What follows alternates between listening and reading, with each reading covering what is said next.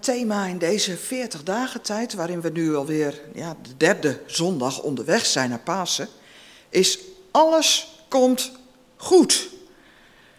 Er staat een uitroepteken achter, maar ik zie ook een vraagteken. En dat is een beetje het thema voor deze dienst. Komt alles ook goed? En deze specifieke derde zondag heeft als thema, of de ja, Latijnse naam oculi, ogen. En dat komt op Psalm 25, mijn ogen zijn op u, Heer. En dat is een ja, beleidenis, maar het is ook meteen een gebed. Want komt alles goed? In, uh, we leven in een, in een, westerse wereld waarin we al heel lang God dood verklaard hebben. Hè? En toen uh, de Russen de ruimte ingingen met hun eerste uh, ruimte-explorers, Abarth, maan-explorers, toen werd er ook aan de astronauten gevraagd toen ze terugkwamen. En, heb je God ook gezien? Russen waren al heel lang communistisch toen. En daar bestond God niet in hun systeem. En uh, nee, natuurlijk hadden ze God niet gezien, want je kan God niet zien als mens. Dat zou dan een bewijs zijn dat hij dus echt niet bestond, want dan waren ze hem wel tegengekomen op de maan, minstens. En het, ik denk de laatste tijd wel eens, misschien heb je dat zelf ook, en ik zou er het liefst over met jullie in gesprek gaan. Hebben we God nog nodig om ons een hemel op aarde toe te eigenen, of een hel op aarde? Kijk je even naar de foto's van de afgelopen week. Verwoesting in Oekraïne. Nou, dan zouden we ook zeggen, ja, we hebben God helemaal niet meer nodig om nog een hel op aarde te creëren. Dat kunnen we toch makkelijk zelf? Of ben ik nou te somber? Ik zie wat mensen nee schudden. Gelukkig kom je af en toe ook paradijselijke dingen tegen. Zodat je even weer denkt, ah, er zijn toch nog glimpen van paradijs in deze wereld. En dat moet ze opwegen, zeker nu in het voorjaar, tegen die verschrikkelijke eh, beelden uit Oekraïne. Dus komt alles goed? Ik ga vragen aan Willem om het ons te lezen uit Exodus. Ja, de clip voor de kinderen, gaan we die wel doen? Willen we wel even iets van wat anders voor de kinderen in deze dienst? Zullen we dat toch even doen? Ook al zijn er geen kinderen. Wil je wel geloven dat het groeien gaat?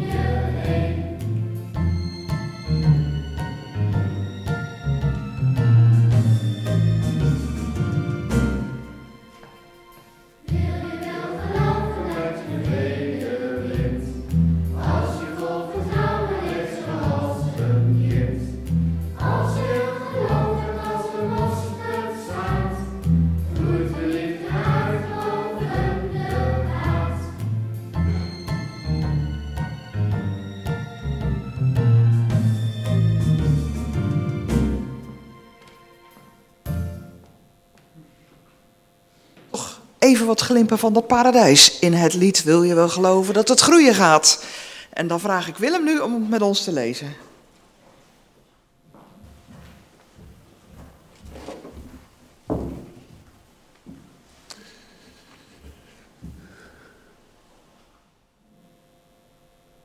God zei tegen Mozes, ik ben de Heer. Ik ben aan Abraham, Isaac en Jacob verschenen als God de ontzagwekkende. Maar mijn naam Heer heb ik niet aan hen bekendgemaakt. Ik heb met hen mijn verbond gesloten en Canaan aan hen beloofd. Het land waarin zij als vreemdeling hebben gewoond. Ik heb het gejammer van de Israëlieten over de slavenarbeid die hun door de Egyptenaren is opgelegd, gehoord. En dat heeft mij aan die belofte herinnerd. Daarom moet je dit tegen hen zeggen. Ik ben de Heer. Ik zal de last die de Egyptenaren jullie opleggen van je afnemen. Ik zal jullie uit je slavenbestaan bevrijden. Ik zal jullie verlossen met opgeheven arm en de Egyptenaren zwaar straffen. Ik zal jullie aannemen als mijn volk en ik zal jullie God zijn. En jullie zullen inzien dat ik, de Heer, jullie God ben, die jullie bevrijdt van de last die je door de Egyptenaren is opgelegd. Ik zal jullie naar het land brengen dat ik onder Ede aan Abraham, Isaac en Jacob beloofd heb. Dat land zal ik jullie in bezit geven. Ik ben de Heer.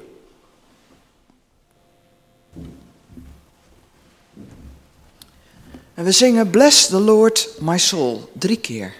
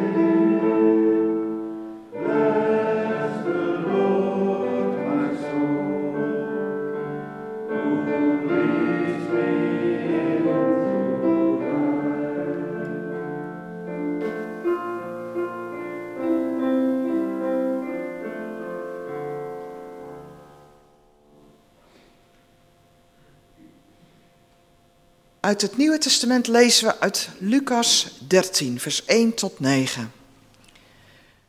Er waren enkele mensen aanwezig die Jezus vertelden over de Galileërs, van wie Pilatus het bloed vermengd had met dat van hun offerdieren. Nou, dat staat er een beetje raar, maar dat is dus een gruwelijke slachtpartij geweest. Jezus zei tegen de mensen die hem dat bericht vertelde, dat nieuws. Denken jullie dat die Galileërs grotere zondaars waren dan alle andere Galileërs, omdat zij dat lot ondergaan hebben? Zeker niet, zeg ik jullie. Maar als jullie niet tot inkeer komen, zullen jullie allemaal om dezelfde wijze omkomen. Of die achttien, die stierven doordat de Siloam-toren in Jeruzalem op hen viel Denken jullie dat zij schuldiger waren dan alle andere mensen die in Jeruzalem wonen? Zeker niet, zeg ik jullie. Als jullie niet tot inkeer komen, zullen jullie allemaal net zo sterven als zij. En Jezus vertelde de omstanders deze gelijkenis. Iemand had een vijgenboom in zijn wijngaard geplant. Hij ging kijken of de boom vrucht droeg, maar hij vond geen vijgen. Hij zei tegen zijn wijngaardenier: de man die ervoor moest zorgen. Al drie jaar kom ik kijken of die vijgenboom vrucht draagt, maar steeds te vergeefs. Hak hem maar om, want hij put alleen maar de grond uit. Maar de wijngaardenier, die elke keer ervoor zorgde, water gaf, zei... Heer, laat hem ook dit jaar nog met rust, tot ik de grond eromheen heb omgespit en een mest heb gegeven. Misschien zal hij dan komend jaar vrucht dragen. En zo niet, dan kunt u hem toch nog alsnog omhakken. Wij zingen uit lied 837, vers 1 tot 4. Iedereen zoekt u, jong of oud.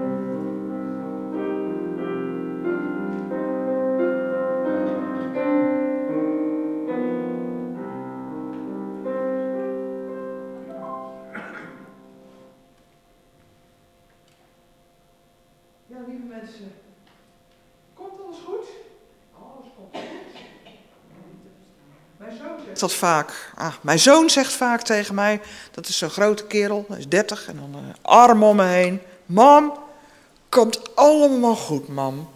Ken je dat? Dat zeggen jongeren heel vaak, hè? Komt allemaal goed. Of tegen zijn vriendin, komt goed, schatje.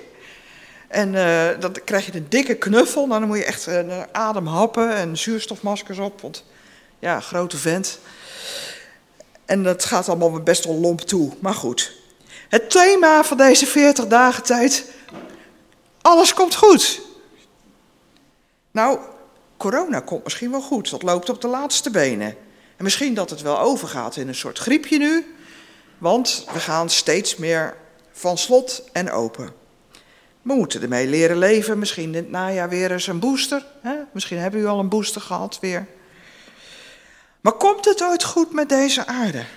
De de klimaatrampen, de kerndreiging, deze nieuwe dreiging vanuit Rusland, agressie naar Oekraïne, naar de NAVO, naar het Westen. Komt het goed? Als ik dan zo'n aartsbisschop hoor zeggen, de schuld is het Westen en als ook Oekraïne bij de NAVO gaat, dan moeten er overal verplichte gay prides komen. En er zit daar een natiebewind, we moeten dat land denazificeren. Dan denk ik, komt het wel goed? Die patriarch, die aartsbisschop die dat uitkraamde, excuus. Dat is een multimiljardair die bij de KGB het behoorlijk goed heeft gedaan. Ai, komt het wel goed met die kerk, denk ik dan. En hij maakt van een onheilige oorlog een heilige. Om Poetins agressie te rechtvaardigen. Wat heeft Oekraïne misdaan, denk ik dan, om zo'n oorlog te verdienen, weet u het?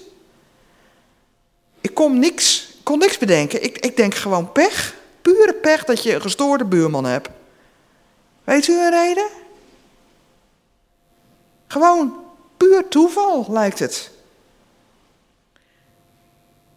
En dan als je dus Poetin moet geloven en je steekt een, eh, een, een laagje dieper af, dan is het dus een natiebewind. En dan denk ik, hoe kan dat met een Joodse president? Ik snap het niet. En Poetin wil volhouden dat de Russen de Tweede Wereldoorlog gewonnen hebben, de nazi's weggejaagd hebben. Zij als communisten zouden dan hè, het eind aan dat natiebewind hebben gemaakt en dat moet 76 jaar later dunnetjes nog eens over de Oekraïne te denazificeren. Nou, denk ik, dan mochten ze willen, als ze iets hebben gedaan, dan was het toch minstens met heel veel steun en hulp van de geallieerden.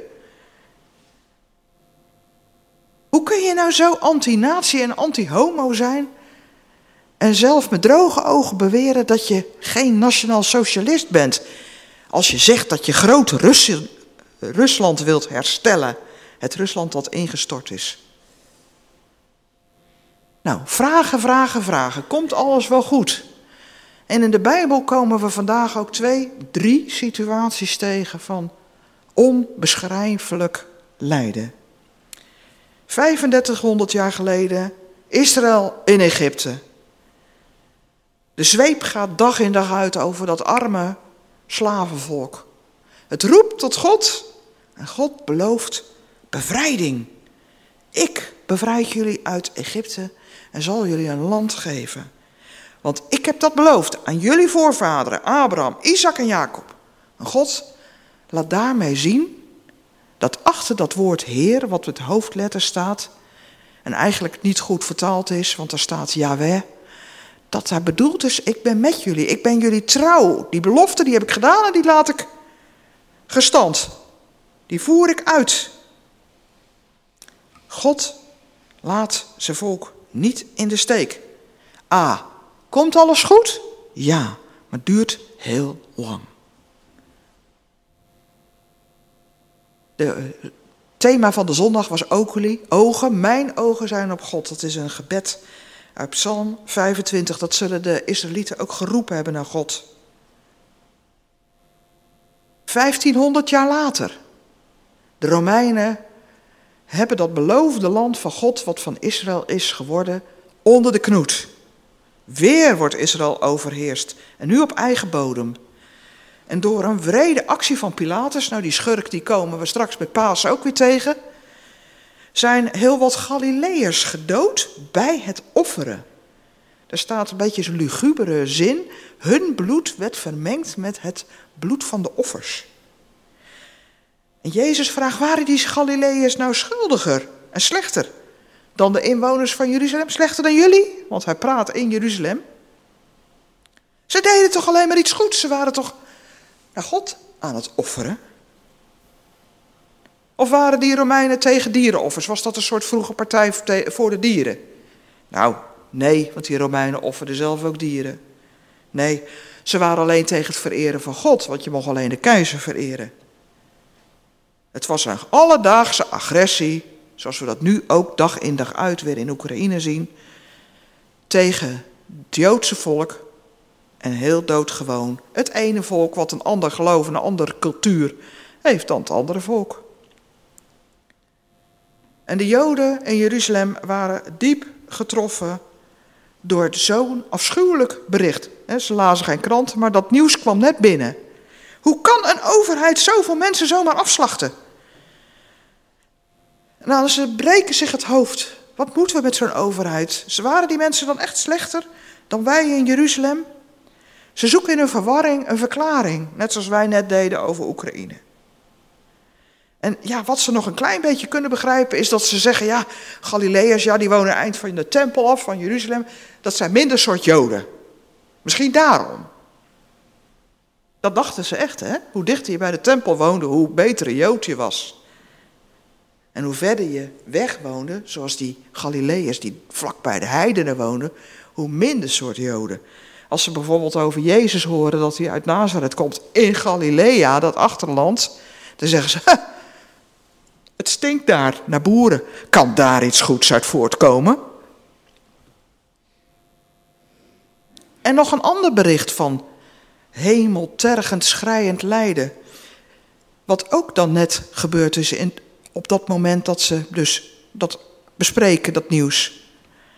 Een toren in Jeruzalem, de Siloam-toren, is ingestort. 18 mensen zijn gedood. Nou staat er verder niet veel bij. Het is alleen de krantenkop om zo maar te zeggen. Maar blijkbaar hadden zich in die toren 18 vrijheidsstrijders verschanst. Die wilden dus ja, in het verzet tegen de Romeinen. En de Romeinen hebben die toren waarschijnlijk met zo'n stormram ingebeukt. En die toren stortte in. 18 doden. Dat nieuws staat er niet helemaal toevallig bij, want dit is in Jeruzalem gebeurd en die vrijheidsstrijders, zeeloten, waren Jeruzalemmers. Zijn vrijheidsstrijders, als je dan toch een verklaring zoekt, zijn dan vrijheidsstrijders slechter dan andere mensen? Dat is een kwestie van perspectief, hè? Want uh, in de 80-jarige oorlog zeiden ze dat stelletje vrijheidsrebellen die je tegen de Spanjaarden opnemen, geuzen, uitschot. En de geuzen zelf zeiden, geuzen, het wordt onze erenaam. En nu zeggen wij, oh fantastisch, die lui hebben het niet gepikt, die hebben Nederland bevrijd van de Spanjaarden. Kwestie van perspectief.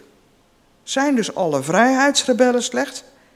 Trof hen daarom deze dood? Nou, dat is een kwestie van perspectief. Maar Jezus laat het eigenlijk allemaal in het midden. Het komt een beetje over zoals Jezus erover spreekt, dat het bijna toeval is, pech. Wreedheid van de Romeinen, wreedheid van de Egyptenaren in Egypte, Rusland nu in Oekraïne. Hebben die mensen iets misdaan? Waren ze slechter dan een ander? Jezus laat het in het midden, het lijkt er niet toe te doen. En ja, de meeste mensen deugen, is dat zo? Dat is zo'n boek hè, van Rutger Brechtman. Heeft iemand het gelezen hier? Bijna. Het ligt op mijn nachtkastje. maar het is, het, het is een intrigerende titel. Het is zo'n boek waarvan je zegt, ik heb de titel uitgelezen. Eh, deugen mensen eigenlijk? Is iemand 100% goed? Is er iemand 100% fout? Of zitten we ergens allemaal in het midden? En verdien je dan lijden? Dat is een beetje de vraag. Mensen breken hun hoofd erover. Is lijden straf? In de jaren tachtig verscheen een boek van rabbijn Harold Kushner... Als het kwaad goede mensen treft. Dat was toen ook zo'n intrigerende titel. Ja, knikt Ali, dat ken je nog. Lijden lijkt willekeurig toe te slaan. Kijk maar naar Oekraïne. Gewoon gevalletje, gestoorde buurman, pech.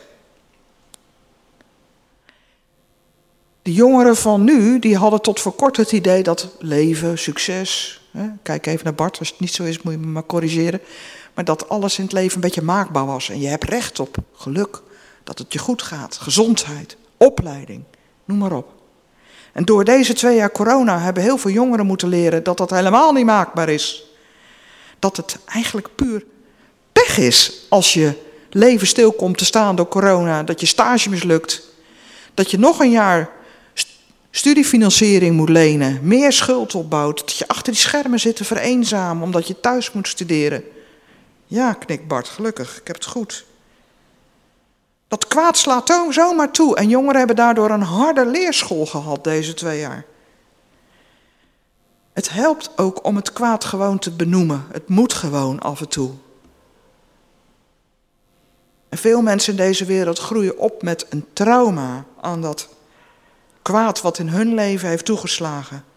En dat soms levenslang hen blijft achtervolgen. Ik denk nu even aan de oudere generatie toen de Koude Oorlog in 1989 eindigde door de val van de muur, hebben mijn ouders, en ik ook een beetje, dus generatie babyboomers en tachtigers, negentigers, opgelucht adem, gehaald. Koude Oorlog, dreiging voorbij. En ineens, 30 jaar later, nu rammelen de Russen weer aan de poorten van Europa. Pech. Of heeft dat toch met toen te maken? Die rabbijn Kushner die ik noemde, die was verschrikkelijk verdrietig, want zijn zoon van twaalf kreeg een dodelijke ziekte. Hij brak zich het hoofd, ging het Bijbelboek Job lezen en schreef dat boek. Als het kwaad goede mensen treft. Pure pech. Willekeur regeert. Gisteren de mensen op de Krim, vandaag die in Oekraïne, morgen wij. Jezus zegt, denk niet dat je het ontloopt. Het kan je zomaar treffen. Het gaat er niet om uit te zoeken of die slechter is geweest dan die. Het gaat erom wat je ermee doet, of je ermee naar God gaat. Elkaar veroordelen heeft totaal geen zin. Dat helpt je helemaal niet. En er is geen relatie tussen lijden en schuld, lijkt Jezus te zeggen. Oh, zeggen wij dan. Oh, en hoezo uh, eigen schuld, dikke bult dan? En wie zijn gat verbrandt, moet op de blaren zitten? Dat zijn van die volkswijsheden waar we bij zweren. Je kunt toch lijden en narigheid aan jezelf te danken hebben? Ja, maar het helpt je geen steek verder. Het helpt je er niet vanaf. Het helpt je niet uit die put. Jezus wijst wel een weg daaruit. En daarom dat voorbeeldverhaal. Die gelijkenis. Een wijngaard-eigenaar zegt: Ik heb nou al drie jaar tegen die boom aan zitten kijken en nou nog geen opbrengst. Nou, dat, uh, wordt hem niet meer hoor. Die, dat, dat is gewoon vergeefse moeite. En die boom die neemt maar grond in beslag. En die grond die raakt maar uitgeput. Hak hem nou maar om en de fik erin. Nee, zegt de tuinman, de man die er echt dagelijks voor zorgt. Daar spit en uh, schoffelt, water geeft en mest. Nee, geef die boom nog één jaar de kans. Ik ga nog een keer die grond goed omspitten en ik ga hem bemesten. Kijken we volgend jaar dan wel opbrengst hebben. Zo is Jezus. Die wijngaard-eigenaar heeft gelijk. Die denkt vanuit rendement. Jezus denkt vanuit zorg, liefde. Hij komt op voor Gods wijngaard. En wie is die wijngaard, vraag je je dan af. Is dat Israël? Zijn wij dat als kerk? Zijn dat alle wereldbewoners? Eigenlijk zijn alle mensen dus even goed of even slecht, zeiden we net. Het doet er niet zo toe. Of mensen beter dan een ander zijn of slechter. Want dat feit helpt ons niet en het redt ons ook niet van de Russen. Of van corona. Het enige dat helpt is dat Jezus voor ons opkomt. En zegt, geef die mensen nog een kans. Hij is onze advocaat. Hij zegt, hak die boom niet om. Geef die boom nog een kans. Schuld? Ja, als je het in de rechtbank zou moeten zeggen. Straf? Door Jezus, alles komt goed. En daarom opluchting, dankbaarheid dat wij door Jezus vrij mogen zijn. En dat betekent niet dat we ons als een stelletje masselaars snel uit de voeten mogen maken van gelukkig geen straf gekregen. Daar zijn we mooi mee weggekomen. Zoals dat we je een streek hebt uitgehaald en je bent niet gepakt. Nee, we zouden eigenlijk God moeten terugbegeven, betalen voor zijn goedheid in barmhartigheid en hulp aan anderen. En delen van wat wij zelf gekregen hebben. We zouden God moeten vergoeden door bij te dragen aan verzoening en vrede. Wij roepen God hopelijk ook zondags en door de week elke dag aan. Met God, zie ons. Bewaar mijn ziel. Red me. Geef me niet over aan de wanhoop. Maar geef mij een anker voor mijn ziel. Dat ik me aan u kan vasthouden. Want bij u wil ik schuilen. Er is zoveel leed in de wereld. Zoveel overheersing en angst. En dan zouden wij elkaar nog eens een portie extra leed bezorgen door elkaar te veroordelen. Op elkaar neer te kijken, wat in Jezus tijd ook gebeurde en nu nog. Vorige week zondag, ik was niet in de dienst die Willem leidde, maar de gesprekskring had hem voorbereid en ik hoorde dat de mensen onder andere opmerkten dat ze wel eens last hadden, dus leden, onder het gevoel dat ze beoordeeld werden of veroordeeld. Je afgerekend voelen in de kerk. Zo geven we elkaar meer te dragen dan God ons te dragen geeft, toch? Mijn ogen zijn op u, Heer, bad Israël in de woestijn. God redden. En nu, vandaag, kunnen wij ook onze dank aan God voor die redding uiten. De op te komen voor vluchtelingen, straks Oekraïners. Mensen in woningnood, in geldzorgen, mensen die geen eten hebben, dakloos. En ja, het wordt nu lente, het wordt wat zachter weer, maar we hebben hier pas in de kapel ook vluchtelingen gehad die al de hele winter op een bankje op het station sliepen. Mogen het hen goed gaan nu. Eerst helpen zoals Jezus deed en zeggen: Het heeft geen zin om naar het verleden te kijken en wie de schuld heeft. Nee, het beter doen. Ik kreeg namelijk van God die tweede kans ook. We zijn die wijngaard zelf. Wij kregen die tweede kans om het niet weer te verprutsen.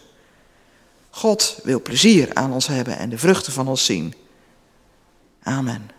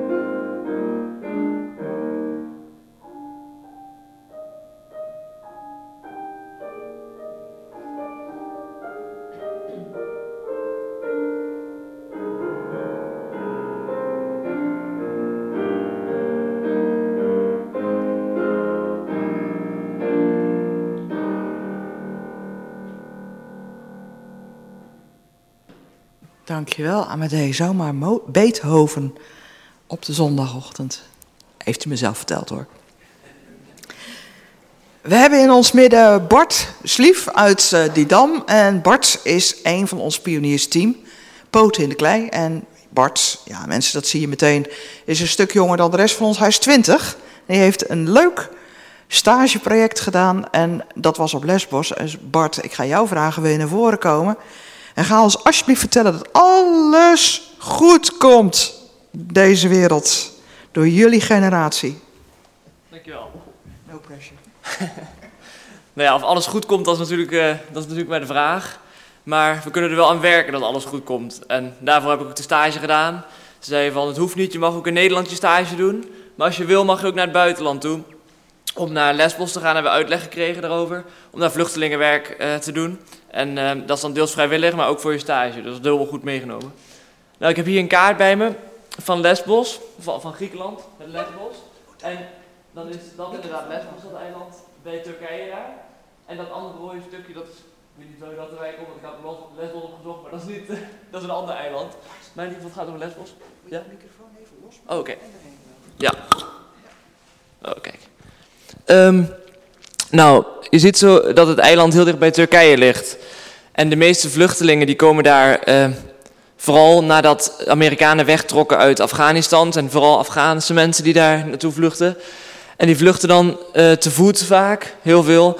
Helemaal vanaf Afghanistan helemaal naar Turkije toe, naar de grens. En Lesbos ligt zo dicht bij Turkije, maar is al wel Europa. Dus dat is de oversteekplek van Europa. En daarom wachten ze daar allemaal bij dat kleine hoekje daar. Even kijken, ja, die, iets naar rechts in ieder geval. Ja, een bij die hoekjes in ieder geval. Daar wachten ze om met een klein bootje over te varen van Turkije, dus Azië, naar Europa, naar Lesbos. En daar staan echt duizenden mensen. Ik heb me laten vertellen dat er nu ongeveer een miljoen mensen staan te wachten bij de grens van Turkije. Uh, gelukkig komen niet, niet allemaal in één keer over, want dat zou veel te veel zijn natuurlijk. Maar uh, we hebben gelukkig een kamp uh, in Griekenland, in Lesbos, waar we de mensen opvangen. Waar er nu nog ongeveer 2000 zitten. Mag je wel naar de volgende foto trouwens. Kijk, en dit is ons kamp.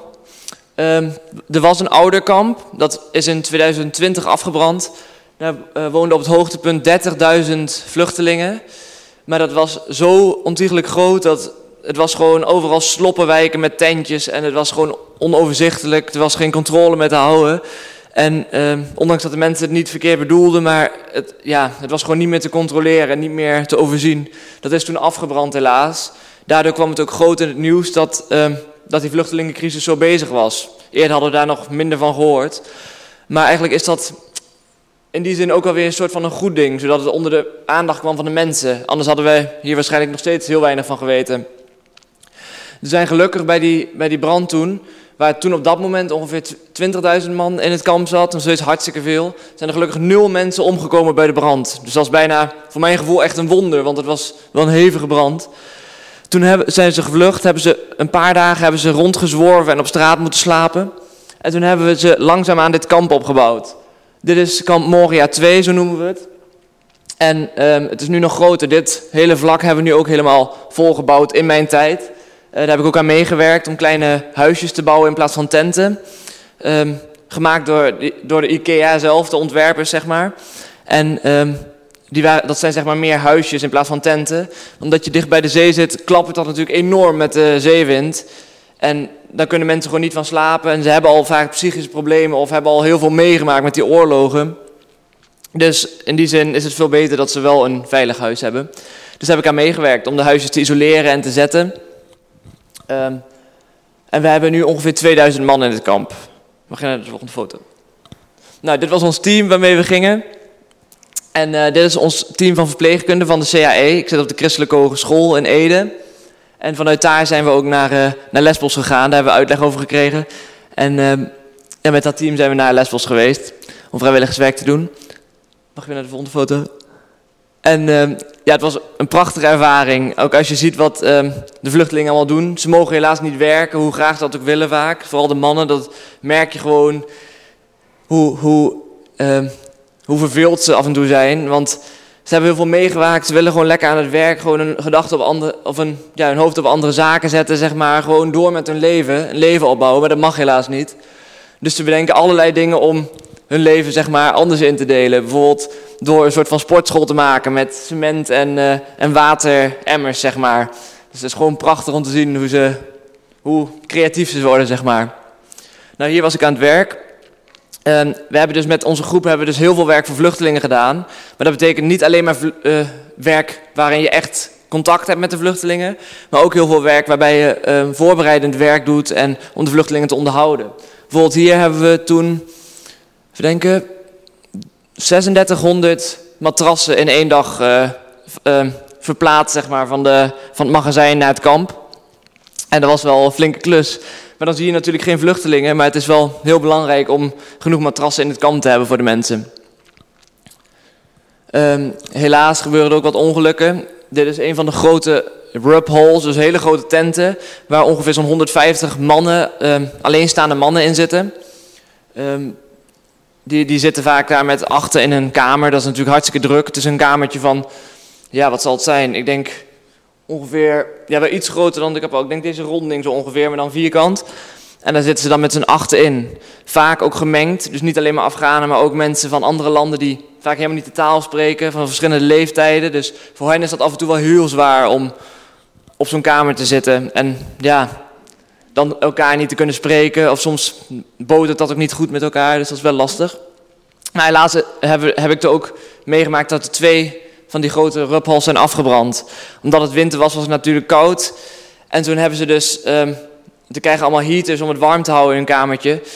Alleen zijn ze niet allemaal in één keer weggegeven. Dus ze hebben zelf ook heaters gekocht, omdat we er te weinig hadden in het dorp. En die zijn, hebben waarschijnlijk vlam gevat. En daardoor is uh, de hele rubhole afgebrand. En dan moet je dus heel snel handelen om al die mensen weer een veilige plek te geven. Uh, dit is Um, dit is zeg maar op het, het, puntje van het eiland, het noordoostelijke puntje, als ik goed heb. In ieder geval. En daar komen dus de vluchtelingen aan, echt. Dat is echt het dichtste bij Turkije. Dat is, ik denk het was volgens mij 40 kilometer naar Turkije. Je ziet het ook heel dichtbij. En dat is gewoon een heel rare ervaring. Als je daar staat, zie je prachtig azuurblauw water. Echt met supermooi groen, uh, groene uh, velden, zeg maar. Het lijkt, lijkt bijna wel paradijselijk of hemel, zeg maar. Dat je echt denkt, wauw, dit is echt paradijs op aarde. Maar dan moet je bedenken dat daar in de zomertijd, want nu is het winter, dan is de zee te, te ruig, dan gaan de bootjes niet over. Maar in de zomer verdrinken daar soms per dag wel honderden mensen, soms wel duizenden mensen als je een, eh, een dag hebt waar veel mensen oversteken. Dat is gewoon heel heftig als je bedenkt dat een plek zo paradijselijk zoveel levens heeft uh, genomen, zeg maar. Uh, dit was ons team uh, die, met, met de vertalers. Die drie in het midden, zeg maar, dit zijn alle vertalers van ons, die elke keer tussen ons in staan. Die, die spraken allemaal Afghaans. En we hebben natuurlijk um, heel veel werkzaamheden verricht met um, tenten opbouwen, eten uitdelen, met mensen praten, ook psychologische hulp geven, kinderen um, lesgeven in school, maar ook thuis nog extra les. we hebben ook spelletjes gespeeld met de kinderen. Maar ook hebben we natuurlijk uh, heaters uitgedeeld, want we kunnen ze niet alleen maar op laten halen, want dat is wel één grote bende worden. En we hebben een groot infopoint, noemen we dat. Een plek waar, we, waar mensen naartoe kunnen komen uit het kamp en vragen kunnen stellen. Maar wij spreken natuurlijk geen Afghaans, dus we hebben daar onze vertalers voor. En dit was de dag dat we ook vertrokken weer. En dat was wel heel lastig, want je weet dat de, dat de vertalers ook uh, mensen in het kamp zijn. Het zijn zelf ook vluchtelingen die um, vaak al jaren daar zitten. En die helpen ons dan heel goed. Alleen je weet gewoon dat wij na een paar weken weer vertrekken en zij blijven daar achter. En dat is wel heftig, want je bouwt echt een band met ze op. Dus dat is wel uh, lastig om dat te zien. Maar we hebben superveel steun aan hun gehad. En, ja. En nog steeds hebben we er contact mee, dus dat is prachtig. Uh, dit was ook ons team weer van school, zeg maar, met onze kleding aan. We hebben allemaal hesjes aan, waardoor de vluchtelingen ons herkennen als uh, hulptroepen, zeg maar, als vrijwilligers. En ze zijn zo dankbaar voor ons dat we er zijn. Als we daar aankomen, dan is het altijd... Uh, hier, uh, wil je wat te eten, weet je wel? Dan wil je thee drinken, kom, kom even een broodje eten, kom iets eten. Ze zijn altijd zo gastvrij, want ze krijgen natuurlijk maar een bepaald aantal eten per dag. Vaak best wel weinig in vergelijking wat wij normaal per dag eten. En nog willen ze alles met je delen. Dat deed me zoveel. Dat heeft me echt, uh, ja, dat doet echt wat met je. Dat je denkt van die mensen moeten het elke dag maar weer opnieuw krijgen. Weten niet zeker of ze wel eten krijgen. En het wordt allemaal door anderen gegeven. En toch zijn ze zo genereus, zeg maar. Ze geven zoveel weg. En ja, ze zijn zo dankbaar en vrijgevig. Dat uh, doet echt wat goed met je. Ja. Ik heb het super naar mijn zin gehad op Lesbos. En uh, dankjewel dat ik jullie wat mocht vertellen. dankjewel.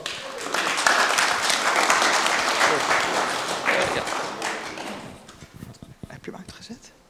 Oh nee, hij is nog aan. Dankjewel Bart. Uh, hartverwarmend om jouw verhaal te horen. En uh, Bart is, dat, dat heb je nog niet verteld, verpleegkundige hè? Ja. HBOV. En heb je ook zelf nog verpleegkundige handelingen daar verricht of niet? Nee, het was, uh, als we langer gingen mochten we wel. Ja. Als we maar een korte tijd gingen mochten we, uh, ja. Voor de. Ja. ja. Oké. Okay. Nou, als we straks nog koffie drinken en iemand wil Bart nog wat vragen, dan kan dat natuurlijk. Eerst geef ik het woord aan Willem voor de mededelingen van de diaconie.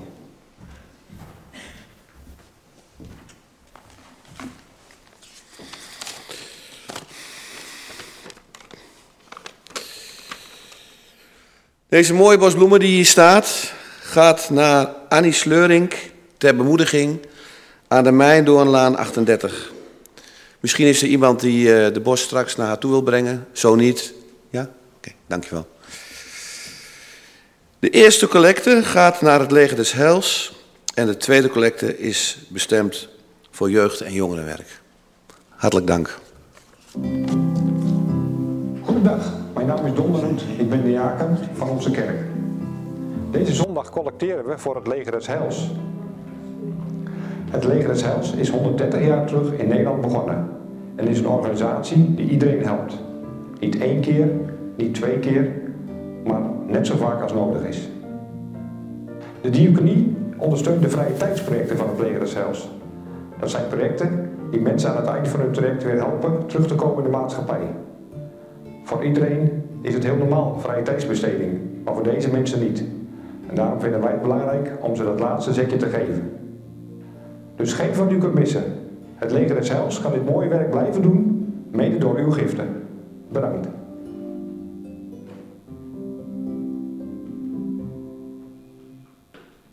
Nou, dat was je alter ego, Don. Ja. Uh, we zijn nog niet zo ver versoepeld dat we weer uh, collectezakken laten rondgaan, hè? Volgende week zeker, of niet? Maar we hebben nog wel schalen en Gifford-app, uh, zo'n zo sensortje waar u even langs heen kunt. Of vanaf de mobiel even wat overmaken. En als u thuis kijkt, denk aan de collectedoelen. Dat kan de hele week dus nog. Dan gaan wij nu met elkaar God zoeken in een gebed om Hem te danken. Trouwe God en Vader, we hebben U leren kennen in Uw woord door de geschiedenis heen als de God die er is. Ik ben die ik ben, zegt U. U bent trouw aan wat U beloofd hebt aan Israël en aan ons aan deze wereld die u geschapen hebt en nooit uit uw hand laat vallen. Wij maken er misschien een hel van op aarde. En af en toe zijn er glimpen van het paradijs, van een hemel. In de natuur, in hulp die mensen elkaar geven in nood. Heer, wij zelf kregen een tweede kans van u.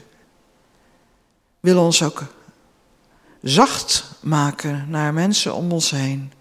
Open, bereid om te delen. Wil ons een groot hart geven en niet een enge geest. Wil ons verlossen van veroordelingen, veroordelen van onszelf en van anderen. Laat ons leven uit uw liefde. Zo leggen we alles voor u neer.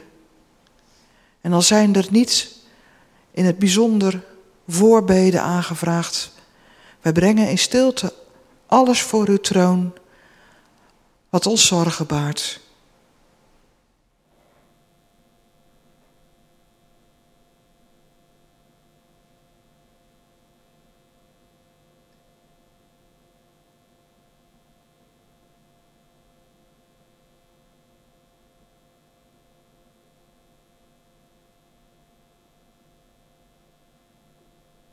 Samen bidden wij het gebed dat uw zoon ons leerde. Onze Vader in de hemel, laat uw naam geheiligd worden. Laat uw koninkrijk komen en uw wil gedaan worden op aarde zoals in de hemel. Geef ons vandaag het brood dat wij nodig hebben. Vergeef ons onze schulden, zoals ook wij hebben vergeven wie ons iets schuldig was. En breng ons niet in beproeving, maar red ons uit de greep van het kwaad. Want van u is het koninkrijk en de kracht en de heerlijkheid in eeuwigheid. Amen. En nou zijn we bij het eind gekomen en dan gaan we het lied zingen. Dat is op aanvraag van Bart, maar ik weet dat het ook van zijn buurman het lievelingslied is van Wim. Ga met God en hij zal met je zijn, zo nodig, zo mogelijk staand.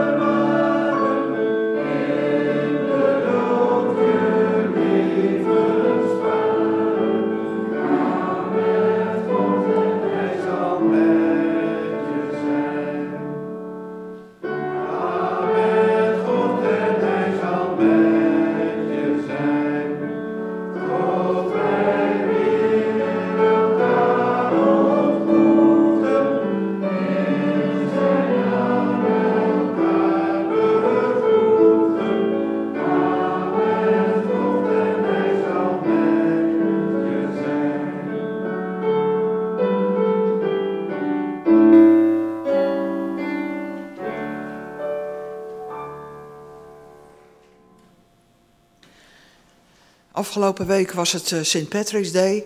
Ja, dat is een Ierse heilige die. Uh, in, ja, zeggen we heilige. Zijn er wel mensen heilig? Oh nee, we waren niet allemaal 100% goed en ook niet 100% slecht. Hè? Maar goed, het was wel een hele goede kerel.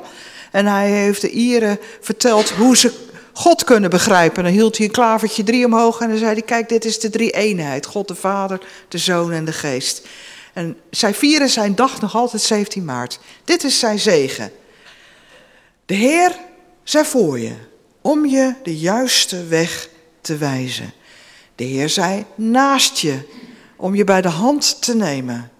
De Heer zij achter je, om je in zijn armen te sluiten en je te beschermen tegen gevaar. De Heer zij onder je, om je op te vangen als je dreigt te vallen. En om je te troosten als je verdriet hebt, is de Heer in je en de Heer zei rondom je als een beschermende muur, als anderen over je heen willen vallen.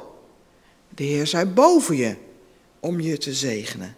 Zo zegene God je vandaag, morgen tot in eeuwigheid.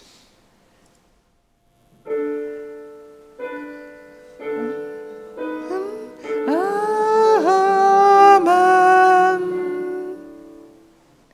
Ja, daar moeten we ook weer aan wennen, hè?